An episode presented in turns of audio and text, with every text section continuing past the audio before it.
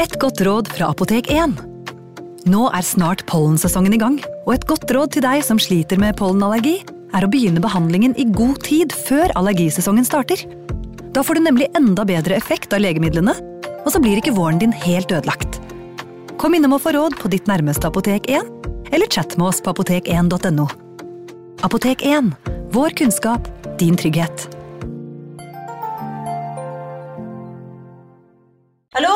Jeg kommer fra Oslo politikammer. Ine Jansen er purk. Er du purk? The motherfucking bitch. Alt jeg vil, er å finne ut hva som skjedde med mannen min. Jon Carew. Er jeg sikta for noe? Iben Akeli. Det er du. Ole So, Lars Berrum og Big Daddy Karsten. Hvem sin side er du på, egentlig? Anette Hoff, Tone Danielsen, Kommer du fra Afrika? Jørnis Josef, Nesten kløfta. Trond Espen Seim, Det er synd å si det, men det var feil mann som døde. Purk. Premiere tirsdag på TV2 Play. Ungsamtalen fra DNB er økonomisk veiledning tilpasset deg som er ung. Bokk en ungsamtale på dnb.no. slash ung. Det er kjempebra hvis du skal inn på boligmarkedet, hvis det er drømmen din, liksom. Det er det du skulle sagt. Og så kunne du ropt litt mer, da, sånn som jeg gjorde. Bam! Advarsel. Denne podkasten inneholder skildringer av ekte drap og kriminalsaker som kan være støtende for enkelte. Det advares også mot sterke inntrykk i deler av episoden. Etter nesten ti måneder med å lage True Crime-poden har jeg forstått at et av deres favorittemaer er mysterier.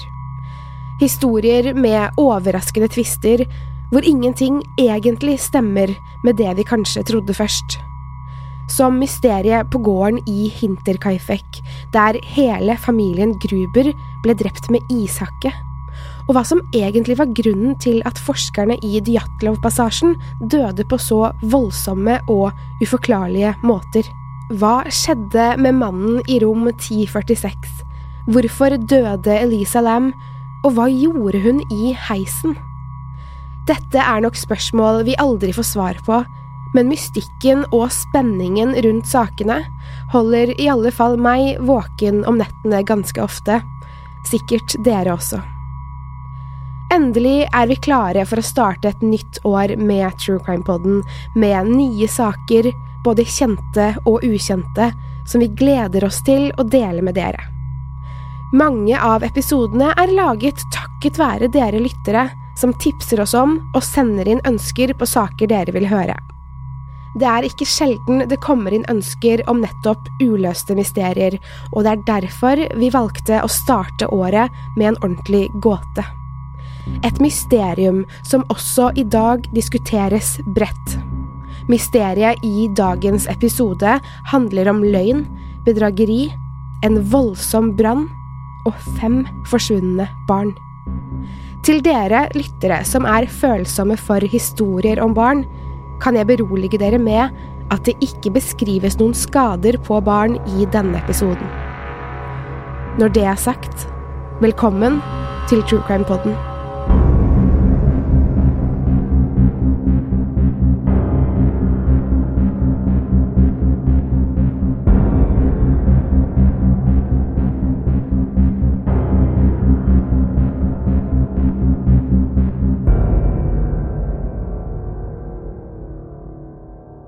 Vi reiser til Fayetteville i West Virginia, en liten og rolig by med rett under 3000 innbyggere. Naturen rundt byen er noe av det som tiltrekker turister hit, med den strie elven New River Gorge som inviterer til rafting, klipper og fjellskrenter for klatreentusiaster, og vakre turstier som leder til steder der man kan telte og oppleve naturen på nært hold. Opp gjennom årene har det ikke skjedd så mye i Fayetteville, bortsett fra at en profesjonell bokser ble politisjef i sin tid. Det er én hendelse som byen er mest kjent for, og for å fortelle den historien drar vi tilbake til julaften 1945. Ekteparet George og Jenny Sodder bodde ca. fire kilometer utenfor Fayetteville sentrum med ni av sine ti barn. Før vi går videre med saken, er det viktig med litt bakgrunnshistorie, som kanskje kan kaste lys over spørsmålene som vil komme etter å ha hørt hva som skjedde med Sodder-barna. George Sodder het egentlig Giorgio Soddu og var født på Sardinia i Italia 1895. Han kom ikke fra noen rik familie. De hadde sjelden mat på bordet. Han hadde mange søsken, uklart akkurat hvor mange, men nok til at foreldrene hans ikke klarte å mate dem. Giorgio drømte om et bedre liv og en dag å få en stor familie. Med sin eldre bror reiste han som 13-åring derfor med amerikabåten til Ellis Island og fikk raskt oppholdstillatelse. Han så aldri Italia eller familien sin igjen, og snakket sjelden om hvorfor han reiste fra landet sitt. Unge Giorgio lærte seg språket og bestemte seg for å bytte navn til noe mer engelskvennlig, slik at han lettere kunne skaffe seg jobb. Giorgio Soddu ble George Sodder og fikk jobb i Jernbaneverket. Han startet som løpegutt for de som arbeidet på jernbanen, hentet vann, mat og verktøy til arbeiderne, men jobbet seg raskt oppover slik at han fikk ansvar for leveranser. Etter noen år i Jernbaneverket i Pennsylvania jobbet George som sjåfør i West Virginia. Han startet snart sitt eget lastebilfirma, som bl.a. leverte fyllmasse til forskjellige byggeprosjekter. Han kjørte kull fra gruver og leverte byggevarer til entreprenører. Det var mens han hentet varer fra en spesiell butikk at George møtte en helt spesiell jente. Den unge og pene kjøpmannsdatteren Jenny Cipriani, også immigrant fra Italia, fikk George et ekstra godt øye til. De småpratet sammen og sendte stjålne smil til hverandre i starten, helt til George bygget opp motet til å be henne ut på date. George og Jenny forelsket seg, og giftet seg etter noen måneder med kurtisering. De nygifte flyttet til Fayetteville i West Virginia, og George fortsatte å utvikle lastebilfirmaet sitt her. Han tjente etter hvert gode penger. De ble aldri veldig rike, men George tjente nok penger til å kjøpe et tømmerhus med både kjeller og to etasjer. Nok rom for å huse den store familien han og Jenny planla å få. I 1923 kom deres første barn til verden, og de ni andre barna fulgte på i årene som kom. Firmaet blomstret, og George ble en respektert mann i samfunnet. Fayetteville var hjem for mange italienske immigranter, og det var viktig for innbyggerne å holde på den italienske kulturen og de mange tradisjonene, som f.eks. maten og vinen. Folk i byen møttes ofte på de små kafeene i nabolaget. Mens de drakk kaffe og vin, diskuterte de politikk, økonomi og alt annet mellom himmel og jord. Særlig politikken var en av sakene George Sodder mer enn gjerne diskuterte. Diktatoren Benito Mussolini leder for det nasjonale fascistpartiet, som var statsminister i Italia fra 1925 til 1943, ble et betent tema for innbyggerne i Fayetteville. Folk var redde for å si noe feil, men George Sodder hadde veldig sterke meninger om gamlelandets leder, som han gjerne snakket høyt og ofte om i sosiale sammenhenger. Sodder hatet Mussolini og havnet rett som det var i opphetede diskusjoner om fascismen og hvordan Mussolini ødela Italia. Selv om George Sodder var en høyt respektert mann i byen, gjorde han mange ukomfortable med de sterke meningene sine, som han alltid ville diskutere med hvem det måtte være. Han fikk et par uvenner pga. måten han diskuterte med folk, og kalte dem gjerne idioter om de ikke mente det samme som han. Noen tenkte at George bare var lidenskapelig, slik en ekte italiener skulle være. Andre mente han burde vokte ordene sine, for fascistbevegelsen hadde øyne og ører overalt. George og Jenny Sodders nest eldste, sønnen Joe, hadde vervet seg til militæret under andre verdenskrig og tjenestegjorde i Europa. George var veldig stolt av sønnen og veldig interessert i krigen. Da Mussolini ble henrettet, bare to dager før Adolf Hitler og Eva Braun tok livene sine i bunkeren i april 1945, var George Sodder en lykkelig mann. Da liket av Mussolini, sammen med likene av andre fascister, ble hengt opp ned på gaten i Milano som et brutalt tegn på at fascismen var død, uttalte George Sodder at han skulle ønske han var der i folkemengden, sammen med de som steinet og spyttet på de opphengte likene. Selv om flere var enige med han, mente nok de fleste, hans kone inkludert, at George burde passe seg. For fascismen var ikke helt død. I oktober 1945 fikk familien Sodder besøk av en dørselger.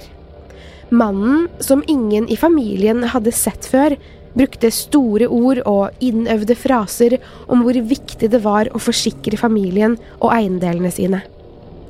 Han ville selge livsforsikringer til George Sodder. George satt rolig og hørte på mannen, overveide det han sa og stilte spørsmål. Etter at selgeren hadde vært på besøk en stund, hadde George Sodder bestemt seg. Han takket pent nei til mannens tilbud og viste han ut i gangen. Selgeren ble først perpleks, men gikk over til å bli sint ganske fort. Han prøvde igjen å overtale George, som sa at han ikke behøvde eller ønsket å tegne noen forsikringer på det tidspunktet. Selgeren ble rasende, noe som overrasket både George og kona Jenny. De var ikke vant med at noen ble så sinte for et enkelt nei. Før selgeren forlot huset, snudde han seg og stirret George Sodder rett inn i øynene og sa Huset ditt kommer til å brenne ned, og barna dine vil dø. Alle vet at du snakker om Mussolini. Kommentaren gjorde både George og Jenny engstelige, og de lurte på om det kunne være noen sannhet i det selgeren hadde sagt. Eller var det en trussel? Etter å ha tenkt seg litt om, avfeide de begge det som noe selgeren fant på fordi han var skuffet over at han ikke fikk solgt noe. De hadde jo ingen fiender, familien Sodder, så vidt de visste. En måned senere, etter at hele episoden med forsikringsselgeren nesten var glemt, skjedde det noe. En ung mann banket på døren og spurte om det var jobb for han i huset eller firmaet til George. George hadde ikke behov for å ansette noen i firmaet sitt akkurat da, men lot den unge mannen hjelpe han med forefallende oppgaver rundt i huset for noen dollar. Før mannen skulle reise, sa han til George at han burde sjekke sikringsskapet som var montert bak huset, for det kunne bli brann der når som helst. Merkelig hadde George tenkt, for han hadde bare uker tidligere hatt elektrikere hjemme hos seg fra et av byens lokale elektrikerfirmaer som hadde installert elektrisk komfyr på kjøkkenet. De hadde sagt at alt var i orden med sikringsskapet og de elektriske koblingene i huset ellers. Så tenkte han på hva forsikringsselgeren hadde sagt. At huset ville brenne ned og barna hans dø. Julaften 1945. Familien Sodder hadde spist god julemiddag sammen, spilt musikk og åpnet julegaver. De hadde for vane å feire julaften istedenfor første juledag, slik som var vanlig i USA. Den eldste datteren Marion på 17 hadde vært på jobb og kom hjem med leker til de yngste barna, som ble overlykkelige over så fine gaver. De hadde spurt mamma Jenny om de ikke kunne få lov til å være oppe litt lenger og leke med de nye lekene sine, og det hadde de fått lov til. De litt eldre barna hadde hjulpet faren med å se til at kuene var i fjøset, og at hønene hadde mat og vann. George hadde vært trøtt etter dagens arbeid og gikk og la seg tidlig. De eldste sønnene gjorde etter hvert det samme. De skulle tidlig opp neste morgen for å jobbe sammen med faren. Etter hvert som klokken nærmet seg ti på kvelden, sa Jenny at de andre barna også måtte legge seg. Jenny ryddet opp det siste fra middagen og slukket lysene i huset. Hun passet på at barna pustet tennene skikkelig brettet dynene varsomt om dem og kysset dem på pannen slik hun alltid pleide. Deres yngste datter, to år gamle Sylvia, skulle sove mellom foreldrene. Jenny tok med den lille jenta til soverommet og la henne mellom seg og George. Jenny tror hun sovnet ganske raskt, for det føltes som om det bare hadde gått noen sekunder da hun plutselig våknet av at telefonen ringte. Klokken er ca. halv ett på natten. Telefonen står i gangen i første etasje, og Jenny og resten av familiens soverom var i husets andre etasje. Telefonen ringer og ringer, og Jenny skynder seg ned trappen for å ta den. Hun vil helst ikke at hele huset skal våkne. I andre enden er en kvinnestemme Jenny ikke kjenner igjen. Kvinnen spør etter en navngitt person, men Jenny sier at hun ikke kjenner denne personen, og at hun kanskje har ringt feil. Jenny hører bråk i bakgrunnen, stemmer og klirring i glass, som i et selskap. Du har nok ringt feil, gjentar Jenny. Damen i den andre enden ler rart, ifølge det Jenny husker fra telefonsamtalen. Jenny legger på røret og går opp trappen igjen. Hun skal til å gå inn i soverommet igjen da hun legger merke til at lysene er på i hele huset. Hun er sikker på at hun slukket dem, slik hun alltid gjør. Jenny tenker at det sikkert er en av barna som har vært oppe og glemt å slukke dem etter seg. Hun slår av alle lysene og legger seg igjen. Hun sovner så vidt før hun våkner av noen lyder. Jenny åpner øynene og ser at klokken bare er litt over ett om natten. Bare en halvtime har gått. Hun hører fotspor på taket, og tenker først at hun må ha hørt feil. Nei, det er noen som går stille på taket deres. Hun rister borti mannen George og sier han må våkne. Hva er det, hvisker han, for å ikke vekke lille Sylvia. Det er noen på taket, hvisker Jenny tilbake. George tror hun snakker i søvne, til han hører det, han også. Skritt, som om noen lister seg over hodene deres. Plutselig hører de begge et smell, som om noen mister noe eller kaster noe på taket. Og så lyden av at noe ruller. Så blir det stille. Hva var det? spør Jenny, men George sover igjen. Det var sikkert ingenting, tenker hun og legger seg ned igjen. Jenny klarer ikke å sovne ordentlig. Det var noe med den lyden som virket feil. Så kjenner hun det. Røyklukt. Hun reiser seg, tenner nattbordslampen og ser at det er røyk i rommet.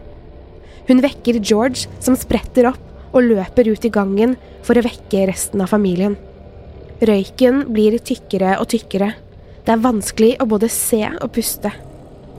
Jenny med to år gamle Sylvia på armen må føle seg frem ned trappen og ut av huset. George geleider flere av barna ut av huset, men klarer ikke å finne dem alle. Han prøver å ta seg inn igjen, men huset er nesten overtent, og han må gi opp. Sylvia på to år, Marion på 17, John på 23 og George jr. på 16 år har kommet seg ut sammen med Jenny. Men resten av barna er inne i huset. Nesten hele huset står i flammer, og naboer våkner av alt oppstyret og de desperate skrikene til familien. En nabo prøver å ringe brannvesenet, men ingen svarer. Han ringer igjen og igjen, men fortsatt er det ingen som tar telefonen. Imens prøver George fortvilet å komme seg inn i huset på andre siden, og ser etter stigen som alltid henger på siden av fjøset. Han vil klatre inn gjennom vinduet i andre etasje og redde resten av barna sine. Stigen er borte. Han kan ikke se den noen steder. Desperat ser han seg om, og ser de to pickupene sine. Han løper til den ene for å kjøre den inntil veggen, slik at han kan stå på taket av førerhuset for å nå opp til vinduet. Bilen starter ikke. Han prøver den andre, men den vil heller ikke starte. George roper, skriker, men ingenting hjelper. Flammene sluker huset hans. Det er ingen sjanse for at barna kan ha overlevd der inne så lenge. Han går mot Jenny og de andre barna. De gråter, de også. Livredde, kalde og knust av sorg over å ha mistet fem barn i brannen. De kan ikke gjøre annet enn å se på at livet deres brenner ned. Den ene naboen har fortsatt ikke gitt seg med å prøve å få tak i brannvesenet. Han ringer igjen, men ingen svarer. Han begynner å tro at ingen er på vakt denne julekvelden. Naboen vet hvor brannsjefen bor, og bestemmer seg for å kjøre hjem til han. Han sover da naboen banker på døren og forteller om brannen. Brannsjefen kler på seg og setter i gang med å ringe brannmennene. Han ringer og ringer, men får bare tak i noen få. Det tar flere timer før brannsjefen har klart å samle noen, og når de endelig kommer til Sodderhuset, er det bare aske igjen. Huset brant ned på litt under en time. Familien Sodder har søkt tilflukt hos sin nærmeste nabo, men brannsjefen tar med seg George til branntomten. Han sier at det dessverre ikke er noen sjanse for at de fem siste barna kan ha overlevd brannen. Han kondolerer så mye. Betty på fem år, Jenny på åtte, Maurice på 14, Louis på ni og Martha på tolv år er døde. George begynner å lete i ruinene. Han prøver å finne noe etter barna sine, et tegn på at de faktisk er borte, døde. George leter og leter, men han finner ingenting. Bare aske, stein og andre ihjelbrente gjenstander som en gang var livet deres. Det han ikke finner, er tegn til at barna hans er der.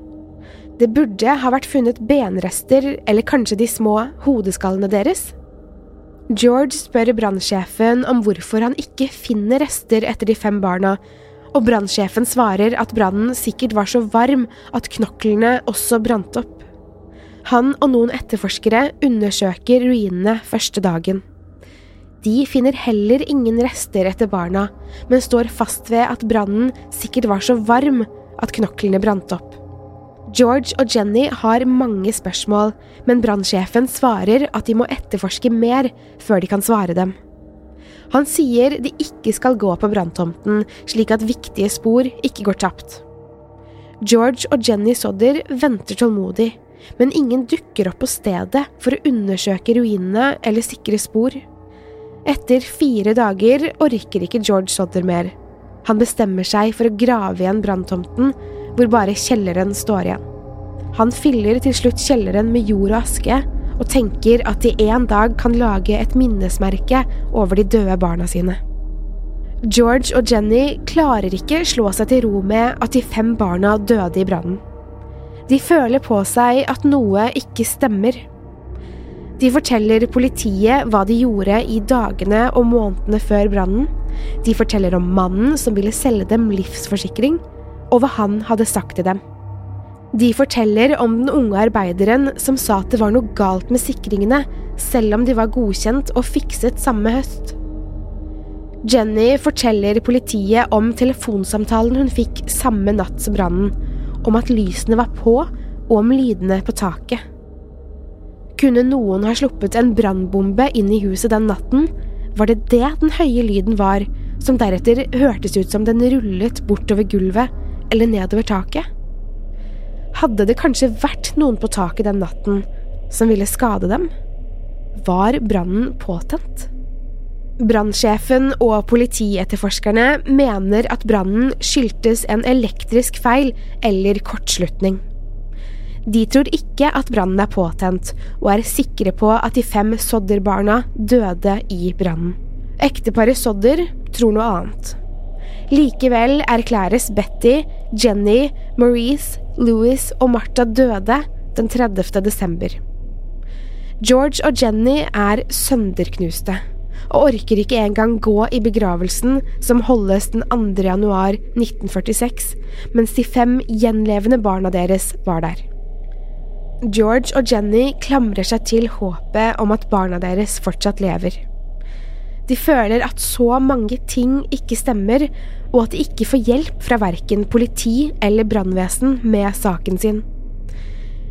De tror at noen tente på huset deres med vilje, og de tror at barna ble kidnappet.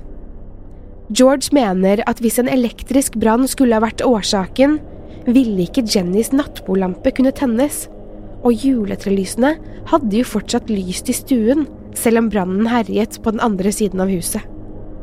Stigen var fjernet, bilene hans virket ikke, og ingen tegn til at barna i det hele tatt hadde vært i huset da brannen startet. Den mystiske telefonsamtalen Jenny hadde fått, lysene som sto på i hele huset selv om Jenny var sikker på at hun hadde slukket dem, og lydene på taket. George tenkte på det forsikringsmannen sa igjen og igjen.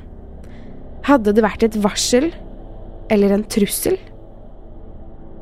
George og Jenny Sodder har ikke tenkt å gi seg.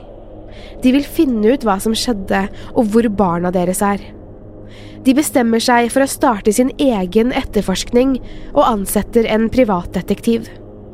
Privatdetektiven intervjuer naboer, venner og folk i byen for å høre om de har noe informasjon som kan kaste lys over forsvinningen. En kvinne som ønsket å være anonym, sier at hun så flere barn kjørende i en bil på vei vekk fra området familien Sodder bodde, samme natt som brannen fant sted. Hun husket ikke hvordan bilen så ut, bare at hun stusset over at det var noen ute og kjørte med barna sine så sent på selveste julaften. Det var to voksne i bilen, en kvinne og en mann. Mer kunne hun ikke fortelle. En annen kvinne kunne fortelle at hun hadde sett flere barn som lignet Sodderbarna, sammen med to kvinner og to menn i en by noen mil fra Fayetteville. De voksne så ut til å være av italiensk, i alle fall sydeuropeisk opprinnelse. Kvinnen hadde sett dem den 25. desember, dagen etter brannen. Selv om tipsene er lovende, kan det ikke bekreftes at det var Sodderbarna. Det kan heller ikke bekreftes at kvinnene så dem, for alt privatdetektiven vet, kan alt være oppspinn. Privatdetektiven bestemmer seg for å ikke fortelle George og Jenny Sodder om opplysningene før han har noe mer konkret. I mellomtiden holder ekteparet på med sin egen etterforskning. De ønsker nemlig at brannårsaken og den påståtte forsvinningen skal etterforskes på nytt. Jenny samler døde dyr, som f.eks. har blitt påkjørt og drept ved bilveien, for å så tenne på dem. Jenny vil se hvor lenge knokler må brenne for å forsvinne helt. Jenny brenner utallige dyr på tomten sin med forskjellige typer brensel, men ingen av metodene klarer å brenne bort knokler og hodeskaller. Hun kontakter begravelsesbyråer i hele West Virginia for å høre hvor varmt det må være for at knokler skal forsvinne helt i en brann. Ingen av dem vet helt sikkert, for normal forbrenningstemperatur ved kremasjon er på mellom 760 og 1150 grader celsius, og kremasjonen tar ca. halvannen til to timer. Selv da er det benrester igjen etter kroppen. Brannen som slukte familien Sodder sitt hus, varte i overkant av 45 minutter. Det ville derfor mest sannsynlig ha blitt funnet forkullede kropper etter barna. Men det fantes ikke. Derfor er ekteparet Sodder, naboer, venner og privatdetektiven overbeviste om at de fem barna ikke døde i brannen, men rømte eller ble kidnappet og forsvant. Det kan til og med hende de lever. Familien kontakter FBI for å hjelpe dem i jakten på sannheten. FBI vil gjerne hjelpe familien og prøver å komme i kontakt med politiet i Fayetteville for å bistå dem med etterforskningen, men de takker nei. De ønsker ikke hjelp, for de mener at saken er løst, og at familien Sodder bare ikke klarer å akseptere det. FBI kan derfor ikke gjøre annet før det foreligger bevis om at en forbrytelse har skjedd, og at den går over flere delstatsgrenser. Men én ting får familien hjelp til. En høring som skal avgjøre om saken skal etterforskes på nytt eller ikke. Privatdetektiven en forsvarsadvokat og familien Sodder selv forbereder seg så godt de kan. De har bevis som tilsier at barna ikke nødvendigvis døde i brannen, og legger frem det de har for dommer og jury. George Sodder stivner til da han ser det. I juryen sitter mannen som var hjemme hos dem høsten før brannen, for å selge han livsforsikringer. Han som sa at huset skulle brenne opp og barna hans skulle dø. Han som truet familien, satt i juryen nå og skulle stemme over om saken skulle etterforskes videre. George Sodder blir rasende og forteller retten om forsikringsselgeren. Han nekter for å ha vært hos dem, og retten tror mannen. Det kommer også frem at brannsjefen har fortalt flere kolleger at han hadde funnet et hjerte i ruinene som han hadde tatt med seg, puttet i en jernboks og begravet. Brannsjefen hadde sagt at hjertet tilhørte et av barna. Hvorfor har vi ikke hørt om dette før? prøvde forsvarsadvokaten å spørre. Det trodde jeg alle visste, svarte brannsjefen, som lovet å grave opp det påståtte hjertet og fremlegge det i retten som bevis. Brannsjefen kom neste dag med hjertet i boksen. Rettsmedisinske undersøkelser viste at det var et stykke okselever som til gjengjeld aldri hadde vært i nærheten av en brann.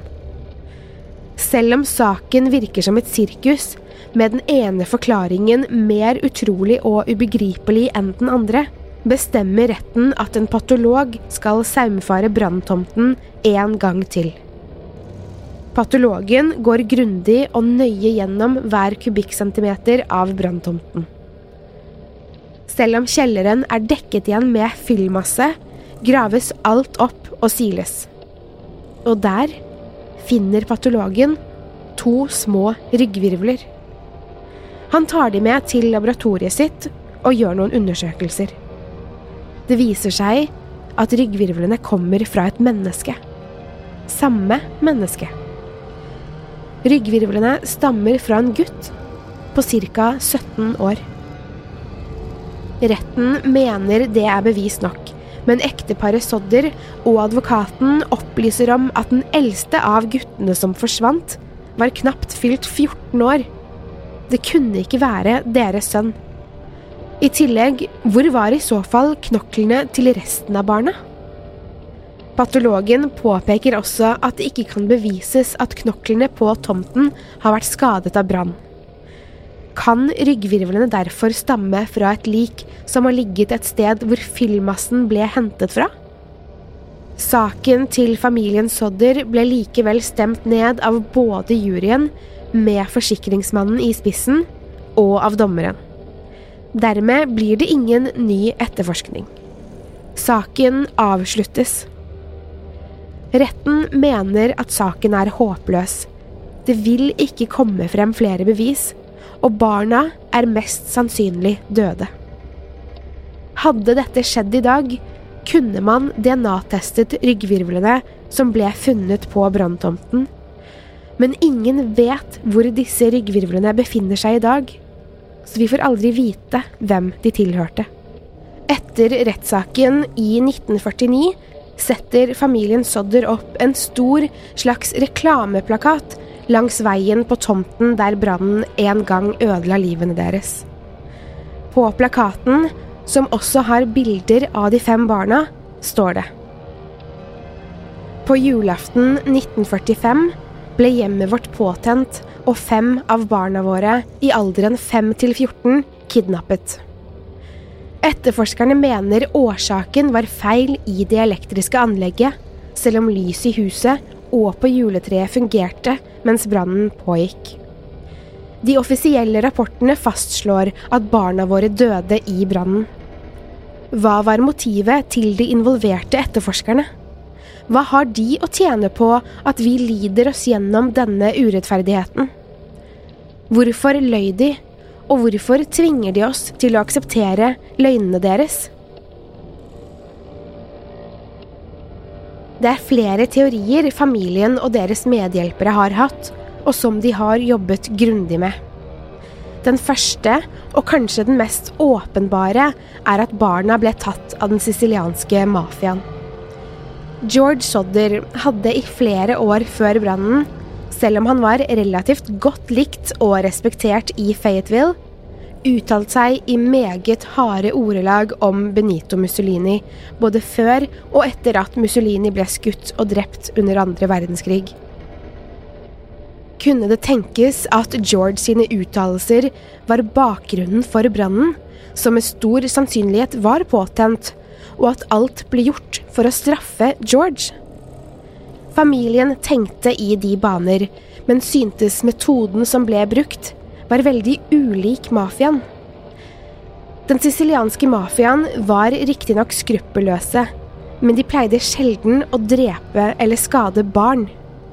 De gikk heller rett til hovedpersonen selv, og burde i så fall, om det var mafiaen, ha skadet og eller drept George istedenfor barna. Teorien kunne likevel ikke utelukkes, for man visste jo ikke engang om barna var levende eller døde. En annen teori familien og advokatene deres jobbet med, er at barna kan ha blitt offer for menneskehandel. Kidnappet av noen som solgte dem videre, og deretter tente på huset for å få alle til å tro at barna døde i brannen. Men hvorfor kidnappe så store barn? De ville jo husket hvor de kom fra, og kanskje prøvd å rømme? Teorien om kidnapping grunnet menneskehandel gikk de etter hvert bort fra. Det var en dame som privatetterforskeren snakket med i tiden etter brannen. Hun som hadde nevnt at hun så de fem barna på en kafé i en annen by utenfor Fayetteville den 25. desember, altså dagen etter den angivelige kidnappingen. Hun hadde nevnt en annen liten detalj. Kvinnen hadde sett bilen barna og to av de voksne hadde gått ut av. Den hadde Florida-skilter, men hun hadde ikke skrevet ned bilnummeret, siden hun ikke visste at barna var savnet. George Sodder reiste derfor ofte til Florida og så etter barna sine på forskjellige skoler og i parker uten å finne noen av dem. I 1967, 23 år etter brannen, mottok Jenny Sodder et brev i posten, adressert kun til henne. Det var ingen avsender, men brevet var sendt fra et postkontor i Kentucky. I konvolutten var det et bilde av en ung, mørkhåret mann, muligens i slutten av 20-årene eller tidlig i 30-årene. Jenny beskrev senere at hun følte som blodet hennes frøs til is da hun så den unge mannen. Han lignet på den lille gutten hennes, Louis, som var ni år da han forsvant. Hun gråt. Deretter snudde Jenny bildet. På baksiden sto det Louis Sodder. I love brother. Little Boys. A 90132 eller 35. Familien ansatte en ny privatetterforsker som skulle lete etter Louis i Kentucky. Jenny og George betalte han mange penger for å reise, men etterforskeren kom aldri tilbake. De tror han løy for dem og stjal pengene deres. Hele livet lette familien Sodder, særlig George og Jenny, etter de fem barna sine. Nå følte de at alt håp var ute. De hadde levd med knuste hjerter siden julaften 1945. De hadde grått hver kveld, bedt til Gud om å få se barna sine igjen. George fortalte dette i et intervju året etter at de mottok bilde av gutten som kunne være Louis. Han fortalte at han var sliten. En slagen mann, beskrev han seg som. Han lovte likevel at han aldri skulle gi seg, selv om han begynte å føle på det at alt håp var ute. Vi har ikke så mye tid, fortsatte han, men vi skulle så gjerne vite. Døde de egentlig i brannen, eller var det noen som tok dem fra oss? Hvis de døde, vil vi vite det. Hvis de ikke døde, vil vi gjerne vite hva som skjedde med dem. George Sodder, mannen som aldri ga seg, døde i 1969, 74 år gammel. Han døde av et knust hjerte, ifølge Jenny og barna. Jenny mistet livsgnisten etter at George gikk bort. Hun kledde seg i svart resten av livet men fortsatte å følge spor, gjøre undersøkelser og ringe rundt for å få svar på hva som skjedde. Hun og George plantet en minnehage over branntomten der huset deres brant ned, og Jenny stelte i hagen hver eneste dag. Hun passet på at skiltet fortsatt var synlig fra veien, i tilfelle noen skulle kjenne igjen Sodderbarna. I 1989, 84 år gammel, dør også Jenny Sodder. Hun håpet helt til det siste at hun en dag skulle få vite hva som skjedde med barna hennes. Det fikk hun aldri. Sylvia Sodder, som var to år da brannen ødela familien hennes, lever fortsatt. Hun er overbevist om at søsknene ikke døde den kvelden, men at de ble kidnappet. Hun er den siste i den opprinnelige Sodder-familien, så vidt vi vet, og hun jobber hver dag for at de som har informasjon om søsknene, skal stå frem. Skiltet ved veien ble tatt ned da Jenny døde i 89, men et forum på en nettside er opprettet slik at publikum enkelt skal kunne sende inn informasjon om forsvinningssaken.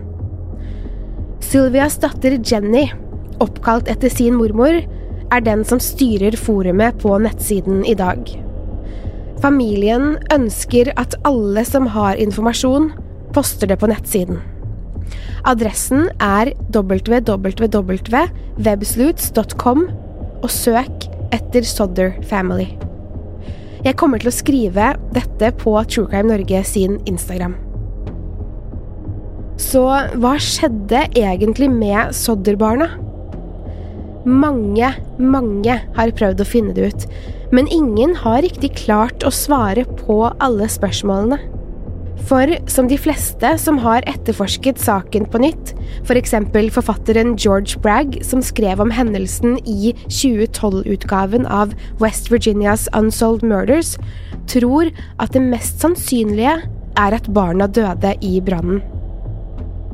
Det har aldri vært tegn på noe annet. De kan ikke ha blitt kidnappet.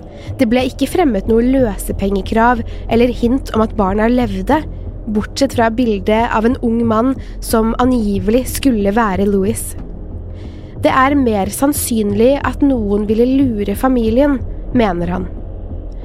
Et av barna i Sodder-familien, eldstesønnen John, 23 år da brannen skjedde, fortalte foreldrene at han faktisk prøvde å vekke de fem søsknene på det andre soverommet før han måtte løpe ut. John mener han så dem, at de lå i sengene sine, kanskje bevisstløse av røyken. Han fortalte det mange ganger til foreldrene sine, til politiet, til venner. Politiet trodde han så klart, men ikke familien. Eller venner av familien. Derfor ville aldri John snakke om det som skjedde. Han ville ikke være med å lete, for han var overbevist om at søsknene døde den natten. Helt til det siste påsto han at han så dem. Snakket han sant? Husket han feil? Eller var han med på den påståtte konspirasjonen mot George Sodder på grunn av de politiske meningene hans?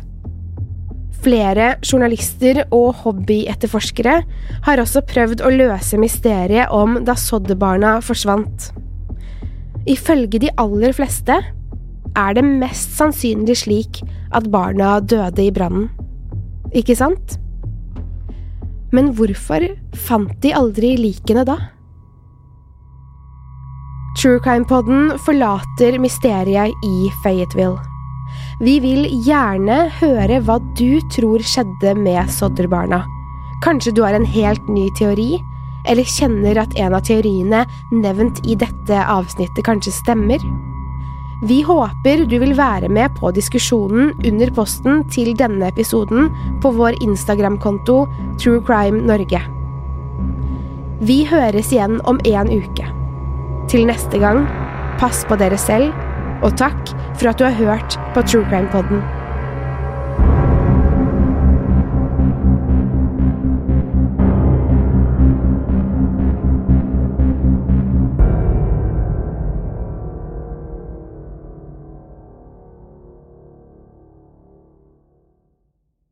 Har du et enkeltpersonforetak eller en liten bedrift? Da er du sikkert lei av å høre meg snakke om hvor enkelt det er med kvitteringer og bilag i fiken, så vi eh, gir oss her, vi. Fordi vi liker enkelt. Fiken superenkelt regnskap. Hei!